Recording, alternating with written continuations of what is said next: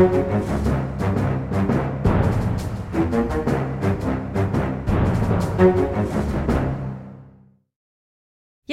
da er vi i gang med en ny episode av Aftenpodden USA. Eh, mitt navn er Kristina Pletten, jeg er kommentator i Aftenposten. Og det er midt på natten. Jeg sitter i Bergen, og jeg ser på deg på skjermen min, Kjetil Hansen. Hei, hei. Det er riktig, hei, hei. Jeg sitter her i et eh, klesskap i Washington DC, som vanlig. Ja, og grunnen til at jeg sitter her og snakker midt på natten, det er fordi at vi har sett debatt. Det har vært den tredje debatten eh, i det republikanske primærvalget, får vi vel kalle det. Eh, vi skal komme mer tilbake til det, men eh, først så har jo det skjedd en del ting i USA. Det er jo eh, eh, alltid et valg, holdt jeg på å si, i amerikansk politikk. I går var det valg igjen, Kjetil, og der fikk demokratene en liten opptur. Det gjorde det. Um, det var flere ting som skjedde som var gunstig for demokratene. Det ene var jo da eh, folkeavstemning i Ohio om abort. Eh, man skulle bestemme om retten til selvbestemt abort skulle skrives inn i delstatens grunnlov, og det fikk et solid flertall. Eh, den andre saken de gjorde bra, var altså guvernøren i Kentucky vant gjenvalg. Han er demokrat. Eh, men fikk altså gjenvalg i en stat der Donald Trump vant presidentvalget med 25 prosentpoeng. Ja. Dette med abort er jo eh, et tema som blir viktig i valgkampen. Vi har sett det gang på gang på gang, at republikanerne Det er en tapssak for republikanerne.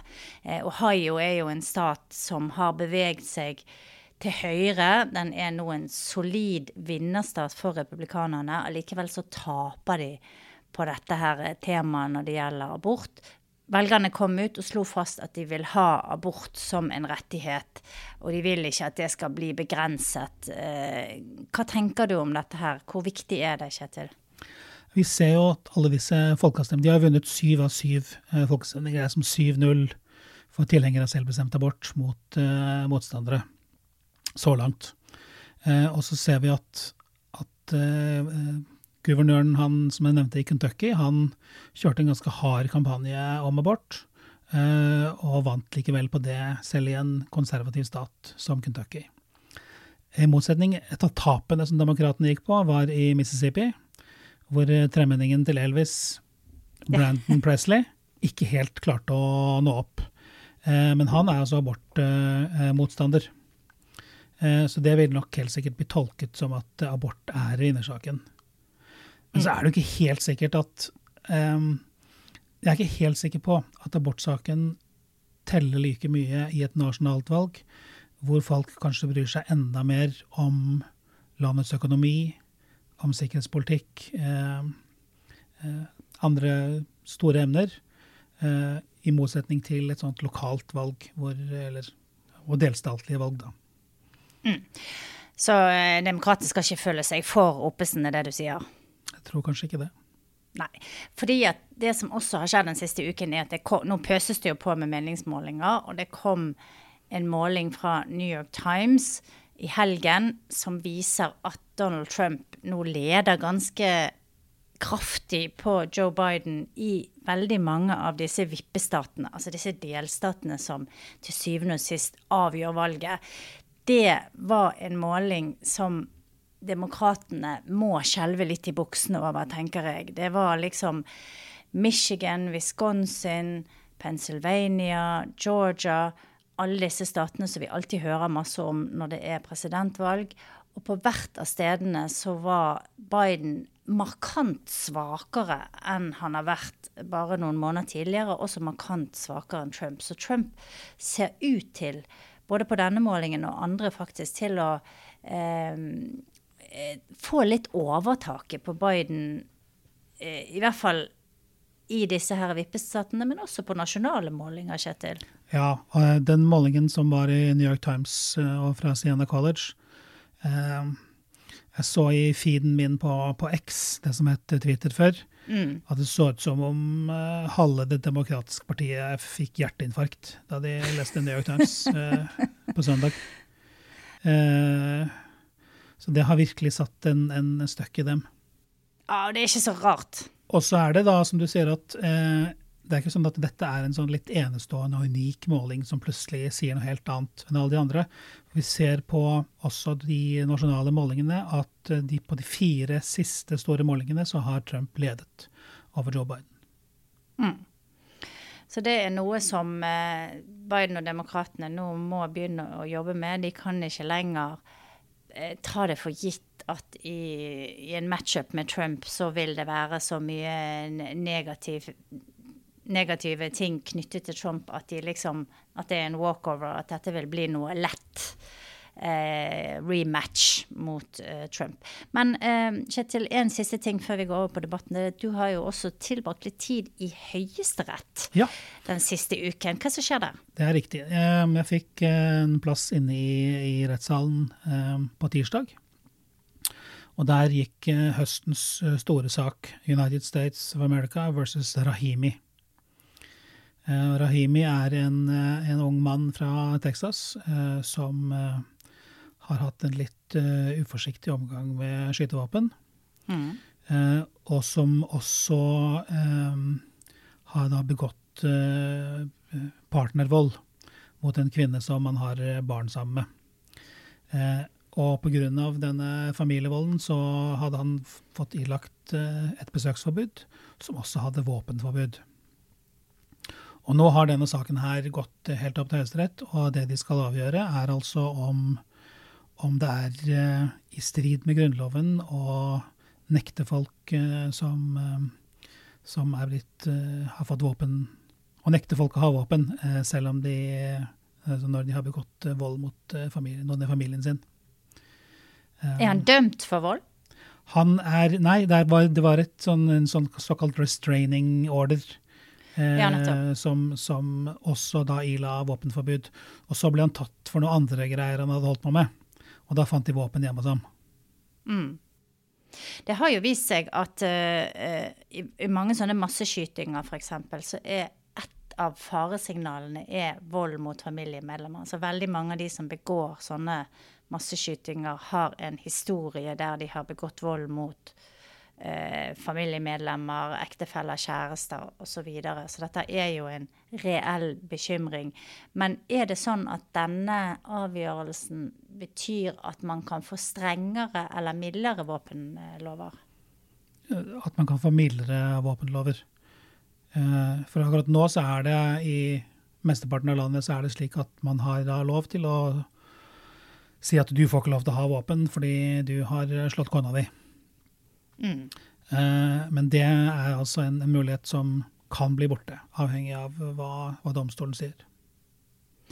Og så lurer Jeg på, Kjetil, jeg har aldri vært inne i Høyesterett. Lurer litt på, Hvordan ser det ut der? Hvordan er det å være der inne?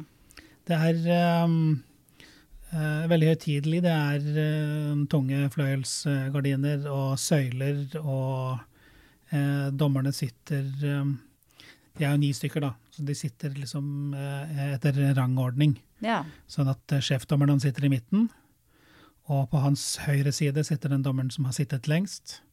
Og på hans venstre side sitter dommeren som har sittet nest lengst, og så går det sånn frem og tilbake til høyre og venstre utover til, til den uh, ferskeste dommeren som sitter ytterst til venstre. Mm. Og så åpner de møtet med sånn yeah, yeah, yeah. Uh, all you have business for the country's highest court. Ikke sant? Um, Så det var litt stas? Så det var litt stas, og det var forbudt å ha inn mobiltelefoner og PC-er og alle elektroniske ting, så måtte ha med penn og, pen og papir. Ja. Litt old school. Det er bra. Veldig old school. Det kan vi like. OK, la oss gå rett over på nattens hendelse. Det har vært debatt igjen. Det var nummer tre. Den var i Miami, i Ron DeSantis sin hjemstat. Eh, og nå eh, er det stadig færre igjen i dette republikanske feltet. Siden sist så har bl.a. tidligere visepresident Mike Pence kastet inn håndkle. Eh, denne gangen så var det bare fem kandidater igjen. Det var Chris Christie, tidligere republikansk guvernør i New Jersey. Det var Nikki Haley, som også er tidligere guvernør i South Carolina. Ron DeSantis, som er guvernør nå i Florida. Tim Scott, som er senator fra eh, South Carolina, han også.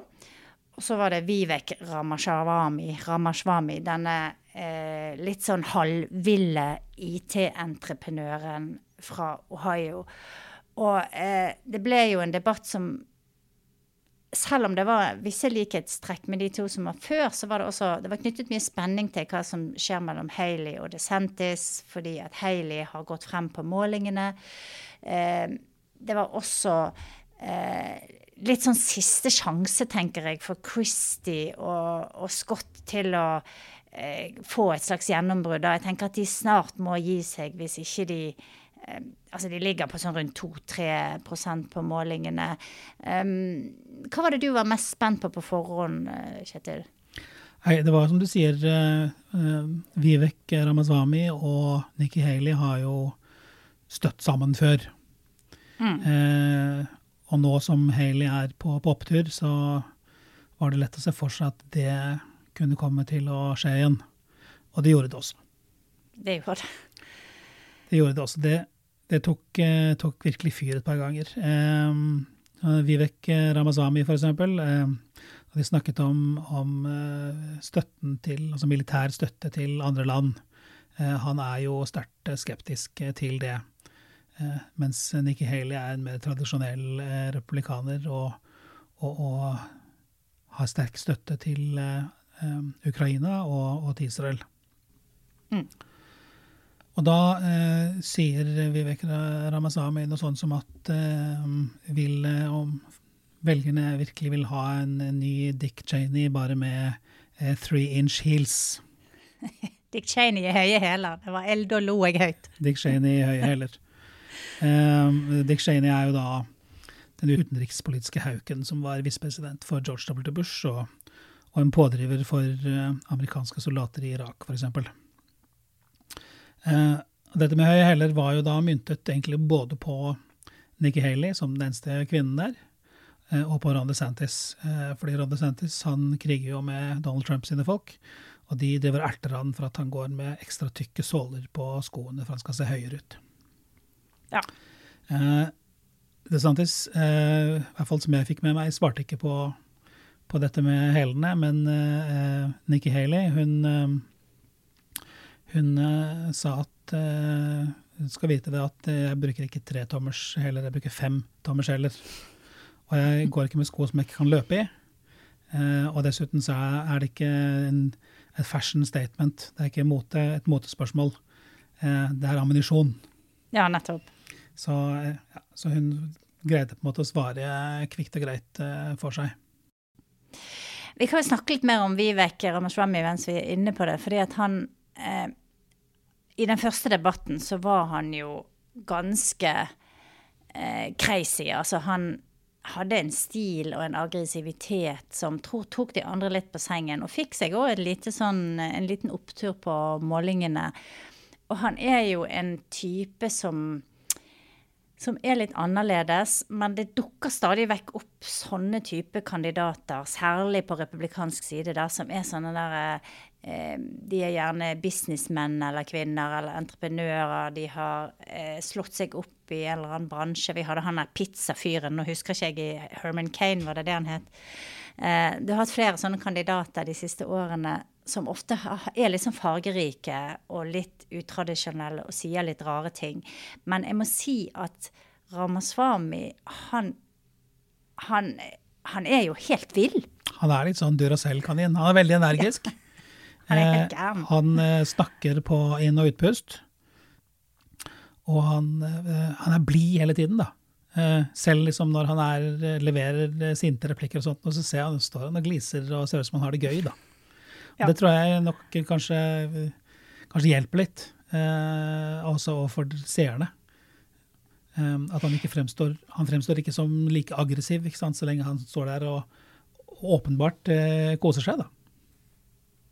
Men eh, jeg klarer ikke å bestemme meg for om jeg syns han er irriterende eller gøy. Altså jeg synes liksom, Innimellom så syns jeg at det er veldig gøy å ha han der, for det kan jo bli kjedelig med disse her debattene der du har hørt etter hvert eh, kandidatene si de samme tingene mange ganger, og det er litt sånn ja ja, bli ferdig. Eh, så syns jeg at han er litt frisk, men så innimellom så tenker jeg at det, det er jo òg utrolig upassende, en del av de tingene han sier. Og det går jo langt over grensen. Altså, det er nesten definitivt. Han, han kommer Ja. ofte med litt underlige ting. Og, og ehm, eh, nå i denne debatten som gikk nå i natt, eh, så ble det en liten diskusjon om TikTok. Ja. Eh, Det sosiale mediet TikTok er jo anklaget for, at, for å dele informasjon om brukerne med, med Kina. Eh, Så der blir det en hel politisk sak, og Chris Christie sa at, eh, at TikTok forgifter amerikanske sinn, og i sin første uke som president skal han forby TikTok. Så det ble en hel eh, diskusjon om dette her. Og da eh, dukket eh, Vivek Ramaswamy opp og, og sa at, eh, minnet om at eh, Nikki Haley hadde gjort narr av ham forrige gang fordi han var så ivrig på å bruke TikTok. Og så sa han at men det skal du vite at det, gjorde, det gjør datteren din også, og det har hun gjort lenge. Og da eh, repliserte Haley med en gang at du eh, tar ikke min datters navn i din munn. Eh, Ja. Og så eh, mumlet hun litt sånn eh, eh, litt stillere at du er avskum. ja det var Og da buet publikum på, på, på, åpenbart på Ramaswami, altså. Det falt, det falt ikke i god jord. Nei. Eh, og han sa jo noe sånn Ja, nå buer tilhengerne dine, men eh, Men har han poeng? Altså, det har jo jeg, jeg så et intervju med han eh, i etterkant av debatten, og da sa han det at dette er en generasjonsgreie, og at folk er så stresset på TikTok. Det er bare tull. Det er noe alle bruker. Alle unge mennesker er på TikTok, og det er ikke noe farlig. Vi har jo hatt den diskusjonen i Norge med, med justisminister eh, Som hadde Mehl. den på mobilen og sånn. Ja. Ja, som hadde det på mobilen. Og jeg tror Ramaswamy prøver jo å, å fremstille seg sjøl som en litt sånn trumpete fyr, men også som en millennial. Altså en som er mye yngre, og som har et annet syn på mye. Og jeg lurte litt på når jeg så akkurat det der med TikTok, om man om han kanskje skåret et lite poeng blant yngre velgere da. Jeg vet ikke. Hva tenker du om det? Han, han uh, la jo vekt på det selv uh, på et tidspunkt i debatten at uh, jeg er 30 år, 38 år gammel og er den yngste republikanske presidentkandidaten noen gang. Mm. Og, og når det gjelder dette med TikTok, det er jo Det med å forby det er for så vidt Hvis man ser bare på målinger, så er det populært. Men det handler jo om at uh, veldig mange av velgerne er jo eh, på alder med meg og deg. Uh, mens at blant unge velgere så, så er det ikke så populært, uh, tanken på å forby TikTok. Nei, nettopp. Så, Men- men, dette slår nok an i et eh, altså Hans eh, posisjon slår nok helt sikkert an i, i et eh, segment av, av velgerne. Det tror jeg. Ja, og både, både Biden og, og, og Trump og egentlig alle disse kandidatene sliter jo med å nå ut til yngre velgere. Det har vært et problem for eh, amerikanske politikere lenge, da. Så, eh, men jeg vet ikke om Ramaswamy er rette mannen til å gjøre det heller. Det som var den store duellen i natt, var jo Haley og DeSantis. I mine øyne så er det egentlig bare de to nå som har en bitte, bitte, bitte liten sjanse til å stanse Trump. Eh, hvis vi ser litt på målingene, så er Haley nå på opptur. Hun har gått forbi DeSantis og tatt andreplassen både i New Hampshire og i South Carolina. Så kom der en måling fra Iowa, som altså er den første delstaten, jeg tror det er 15. januar de skal eh, stemme, eh, som viste at hun ligger nå likt med eh, DeSantis på rundt 16% I New Hampshire eh, så er hun på rundt 20 eh, mellom 15 og 20, da. Eh, og det samme i, eh, i South Carolina, som er hjemstaten hennes. Der, der, der eh, gå- stiller hun litt sterkere, faktisk. Og så har du Nevada, som kommer innimellom de tre, som er en veldig, blitt veldig sånn trumpete. Der leder Trump stort over Biden, og han leder også med kjempemasse over eh, Haley og DeSantis. Men i Iowa og i New Hampshire så har ikke Trump en så stor ledelse. Eh, og en av de tingene, en av de oppgavene Haley og, og DeSantis hadde i natt, var jo også, i tillegg til å prøve å danke hverandre ut, så var det også å eh, gi velgerne en grunn til at de skal stemme på de istedenfor Trump. Altså prøve å skape litt luft mellom seg sjøl og Trump, og skape litt kontrast. Eh, og dette var jo noe de ble spurt om helt i begynnelsen av debatten. og jeg vet ikke, hva, hva tenker du om de svarene de ga på det? Det var jo de første eh, de ble spurt om. Eh, var jo eh, at eh, hvorfor skal de Hvorfor skal de Hvorfor skal folk heller stemme på deg istedenfor Donald Trump? Og de var litt um, eh, Før har det vært sånn at Chris Christie har vært den som er hardest i klypa. Eh, og som har virkelig gått i rette med Donald Trump. Denne gangen var det Ron DeSantis. Ja. Han sa at, at Trump skylder dere å være på denne scenen og forklare hvorfor han skal få en sjanse til. Og så snakket han om at han ikke hadde klart å få penger fra Mexico for å bygge muren, og at han hadde økt gjelden masse. Og, og, og han hadde et par andre saker hvor han kritiserte Trump også. Så, og så ser sa han det at Trump sa at med han så ville vi bli lei av å vinne. og så nevnte han da dette ved lokalvalget på tirsdag, hvor det gikk ganske dårlig for republikanerne. Og så sa han jeg er lut lei at republikanerne taper. Så eh, denne gangen så var det altså eh, DeSantis som var eh, den som gikk hardest ut mot, mot Trump. Haley um, var ikke fullt så krass. men hun sa at i 2016, ja, da, Trump var, da var han rett person til rett tid. Det er han ikke nå. eh, og så hun viste til gjelden da, og, og sa at uh, våre barn vil aldri tilgi oss denne gjeldsøkningen for USA. Og vi trenger en regnskapsfører i Det hvite hus. Hun er jo Det er jo hun. Ja, hun er utdannet. Ikke sant.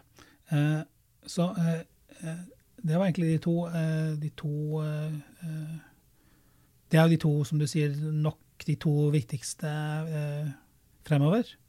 og av dem så var det DeSantis som gikk hardest ut mot Donald Trump da dette ja. spørsmålet kom opp. Eh, Ramaswamy var den som var minst eh, kritisk. Han, eh, det nærmeste han kom til å kritisere Trump, var å si at vi er blitt et parti av tapere. Men så klandret han alle andre. Det var pressen, og det var partilederen, altså hun som leder partikontoret. Han gikk plutselig ut i, helt på åpningsspørsmålet og, og, sa at hvis hun ville komme opp på scenen og si opp jobben sin, så skulle hun få bruke hans taletid. Ja, ja det, var, det var veldig rart. Underlige greier. Men både Ramaswamy og eh, DeSantis slåss mer om Trump sine velgere enn det Haley gjør, tenker jeg. Fordi at Haley har posisjonert seg litt lenger inn mot sentrum. Hun satser mer på å ta de velgerne som absolutt ikke vil ha Trump. Få med en del uavhengige velgere, og også Um, kanskje ta noen av Trumps velgere som er litt, litt sånn softere i, i, sin støtte til han, da, og litt mer tenker OK, jeg kan stemme på han igjen, men jeg er ikke sånn die hard-fan som går rundt i rød caps og sånn der, da. Mm.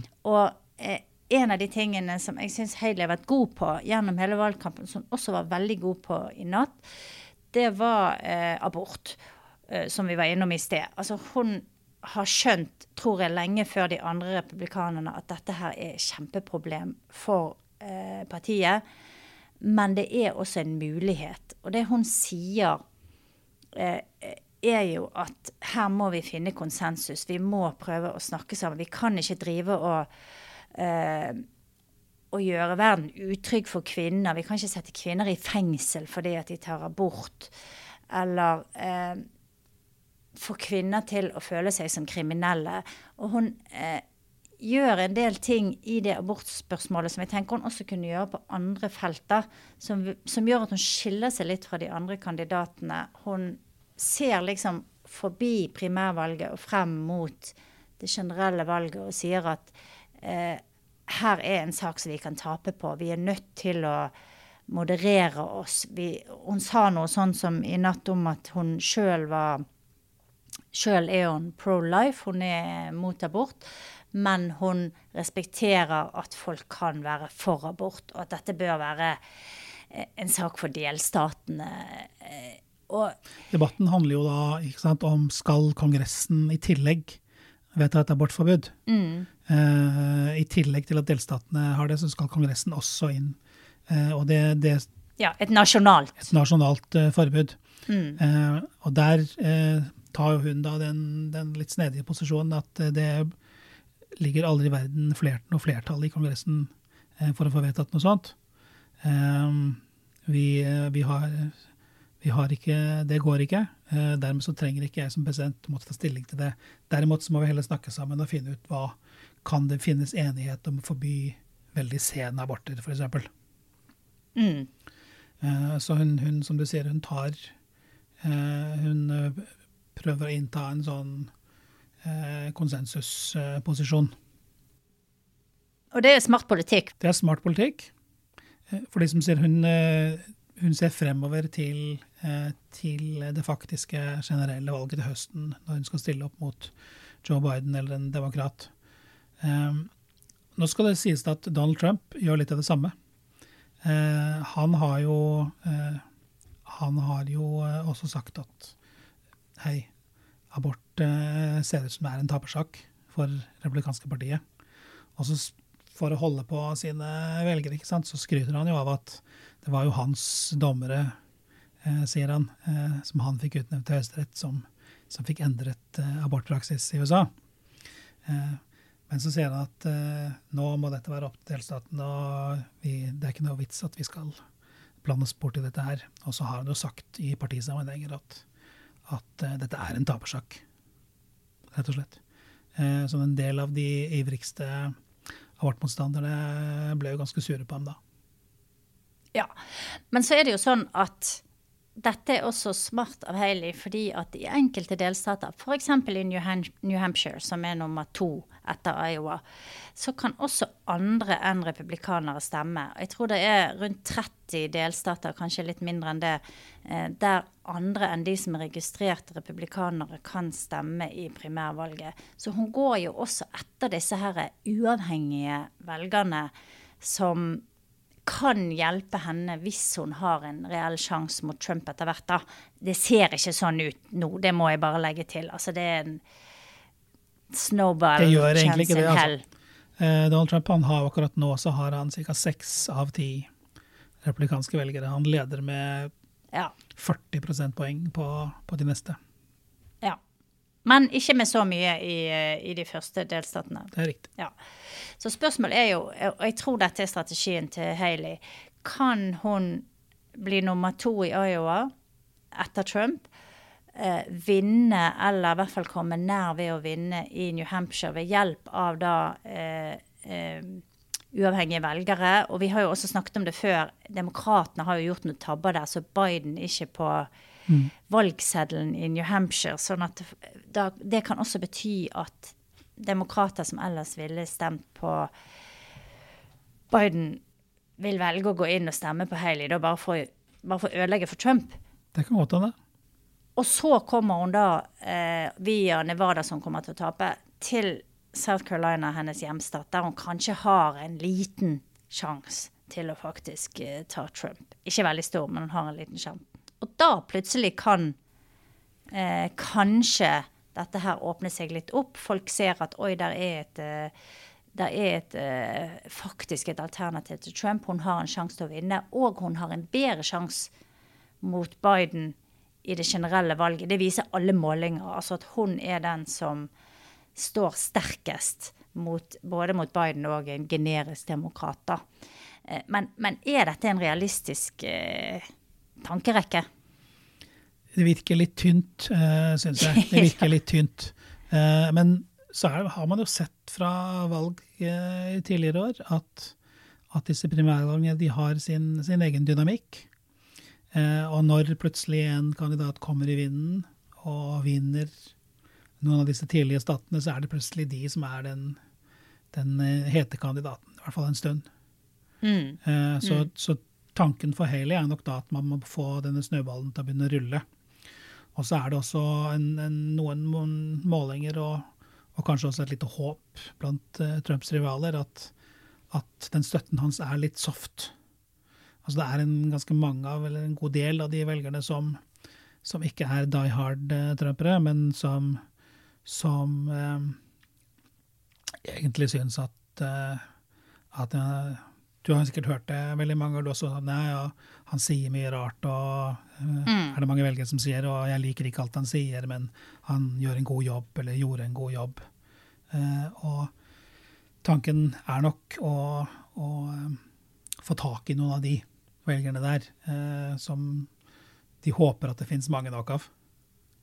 Ja, altså det er innmari mange Trump-velgere som sier akkurat det der. Når du er ute og snakker blant folk, så er det mange som sier 'jeg liker ikke han', 'jeg liker ikke han personlig', 'jeg syns han er eh, en vemmelig fyr', han, han, sier mye 'Jeg skulle ønske han stoppet å tvitre', sa folk før, og mm. snakke mm. liksom Men, men, men. Så det er et poeng.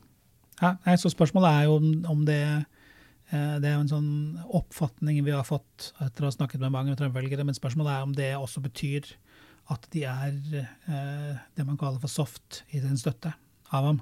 Ja. Eh, det er ikke like sikkert. Hvem vet. Jeg så en eh, meningsmåling der de hadde gjort en del sånn dypere analyse, der, der de også hadde spurt sånn hvis du skulle rangere alle republikanerne, hvordan vil du rangere dem hvis vi tar back én og én osv. Eh, og da var det nesten eh, en fjerdedel som rangerte Trump aller sist altså rundt 25% sa at Og da tror jeg det var sånn eh, 13 kandidater eller sånn. Det var eh, et par måneder siden. Eh, da var det altså en fjerdedel som sa at de rangerer Trump aller sist. Mm. Etter liksom alle disse her perifere kandidatene. Og det sier jo litt det også. Han har ganske høye negative tall. Det er mange som ikke liker han, også i det republikanske partiet. Så det er en liten åpning for Haley. Men, eh, men jeg tror at det det. Hun har en bedre sjanse fordi at hun også appellerer mer til disse her eh, uavhengige, moderate velgerne enn det DeSantis gjør. Samtidig så er det en ting. Det var én ting ingen sa i debatten i natt, og som har vært et viktig argument alltid før. Var, nå var det ingen som snakket om at uh, vi må velge noen andre enn Donald Trump uh, for at vi skal kunne slå Joe Biden. Nei. Uh, altså at Donald Trump kan ikke slå, kan ikke slå Joe Biden, det, det, har vært et argument fra flere av disse kandidatene før. Uh, det var det ingen som nevnte i dag. Og det, jeg tenker at den uh, New York Times-målingen fra søndag har mye å si der. Trump kan takke New York Times. Jeg fikk også en sånn, Han sender ut sånn 1000 mailer hver dag med sånn tiggegreier. Og der eh, skrev han jo, siterte New York Times i det vide og det breie, som han ofte kaller liksom en løgnmaskin og ditt og datt. Så det, mm. det er jo litt ironisk. at det, eh, vi må bare sveipe innom, eh, før vi gir oss, så må vi sveipe innom utenrikspolitikken. For det var jo også en, en stor del av denne debatten handlet jo om det som skjedde i Israel, eh, eller det som skjer i Israel, blant annet.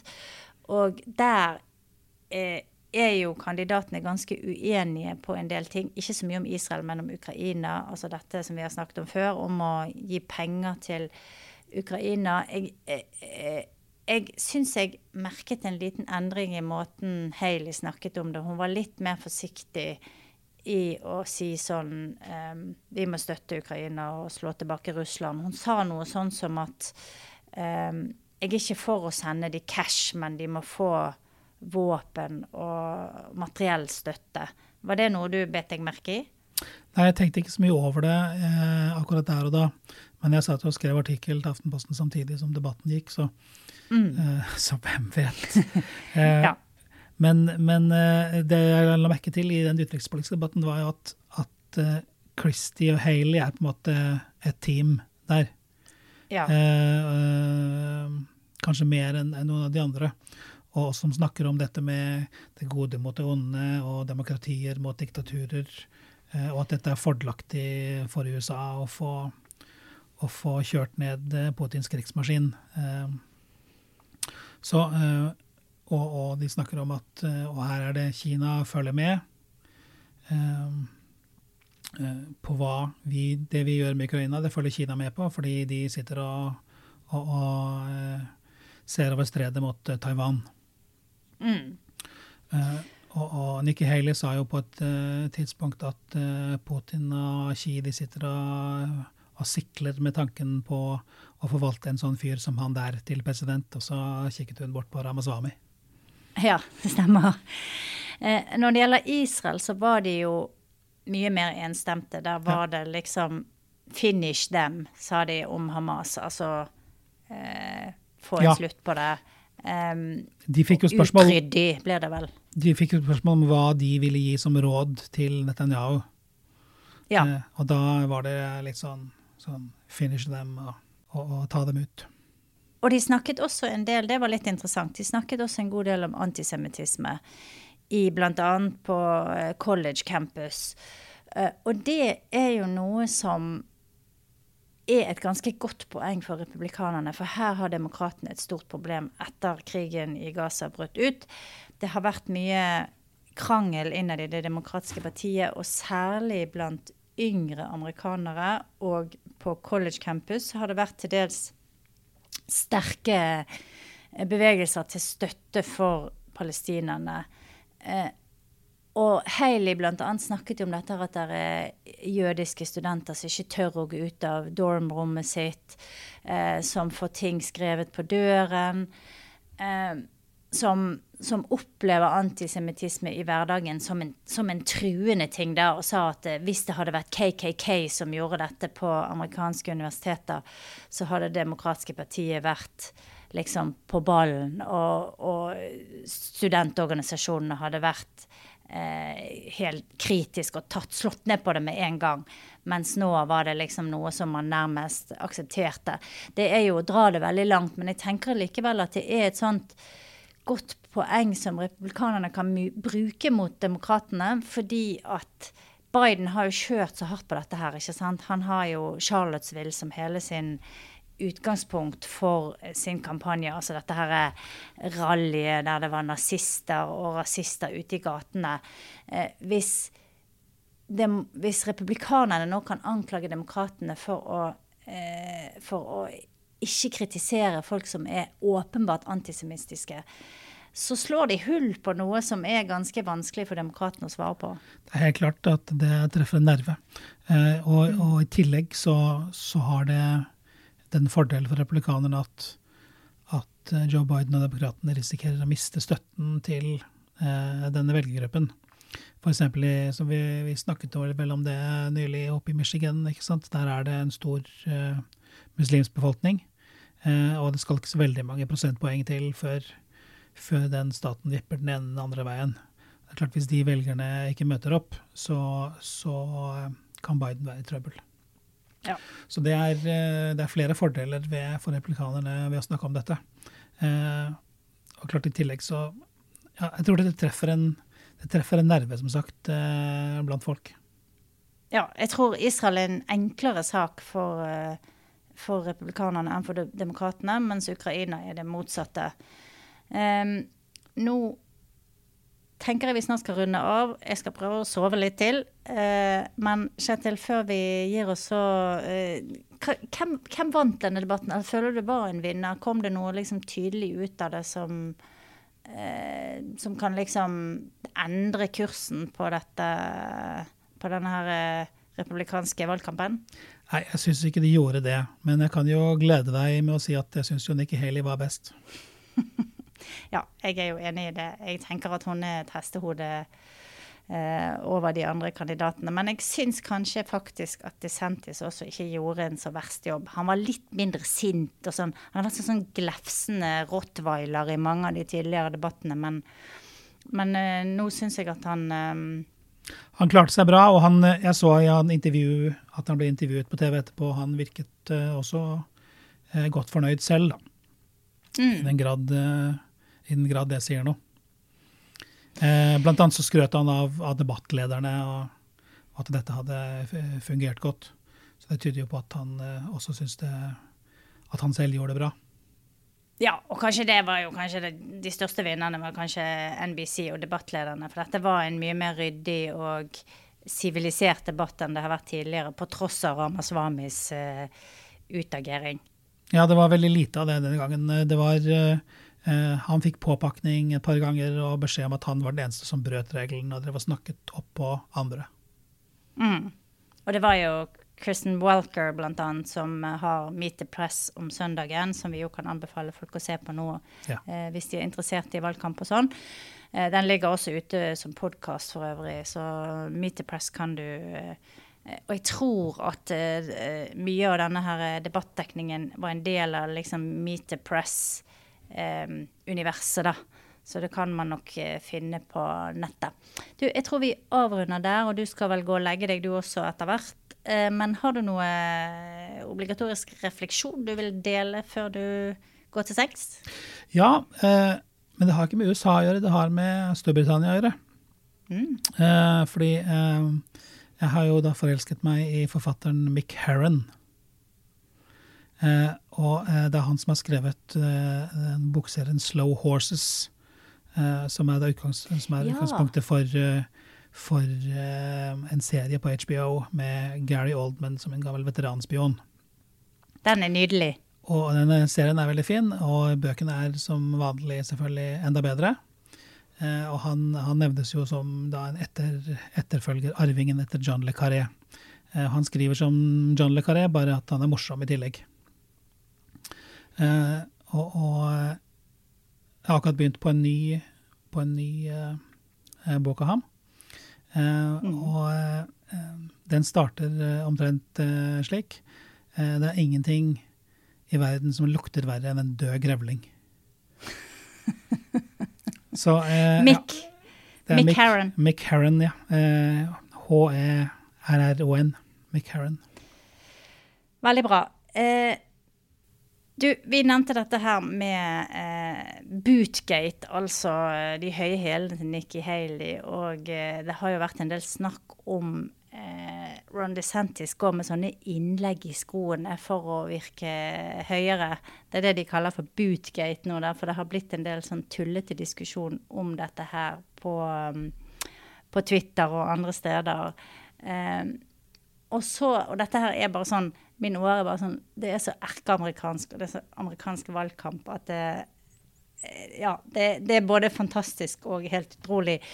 Men det er altså sånn at eh, DeSantis på et eller annet tidspunkt eh, prøvde å liksom legge denne her ballen død, denne Bootgate-skandalen med at han eh, går med innlegg i skoene og sånn for å virke høyere, med å si at eh, drit nå i det, og hvis bare Trump kommer og er med på debatten, så kan jeg gjerne gå med en støvel på hodet, sa han.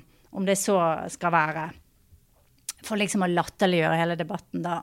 Men så kom det altså en fyr på banen som heter Vermin Supreme, som er en sånn der crazy presidentkandidat, som sa vent litt, det er meg som skal med støvel på hodet, at han har det som gimmick, da.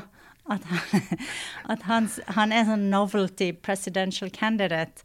Eh, som har som sin, eh, sin, greie at han har en sånn gummistøvel på hodet. Så, eh, og så kom jeg på at det er jo det er helt fantastisk. Og det er liksom Only in America. Og det er jo en hel haug med folk, kjemperare folk, som stiller hvert år til, uh, til, valg, når det er presidentvalg, og som får en del stemmer.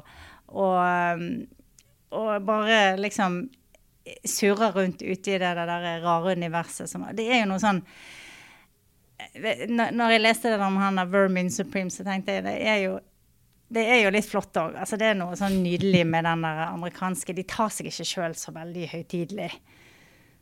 Nei, det er ganske tydelig. Eh, hvis du heter Vermin og går med støvel på hodet. There is only one man who can wear a boot on his head, and his name is Vermin Supreme, uh, skrev han på Twitter. Så vi får se hvor mange stemmer han til slutt får. Han er nok ikke noen reell trussel for verken Trump eller andre, men uh, det tror jeg får bli siste ordet i denne ukens utgave. Vi er til tilbake uh, i neste uke. Og så kan I mellomtiden så kan du også, hvis ikke du er med, så bør du melde deg inn i vår Facebook-gruppe eh, Aftenpodden USA. Takk for nå, og god natt, Kjetil. God natt.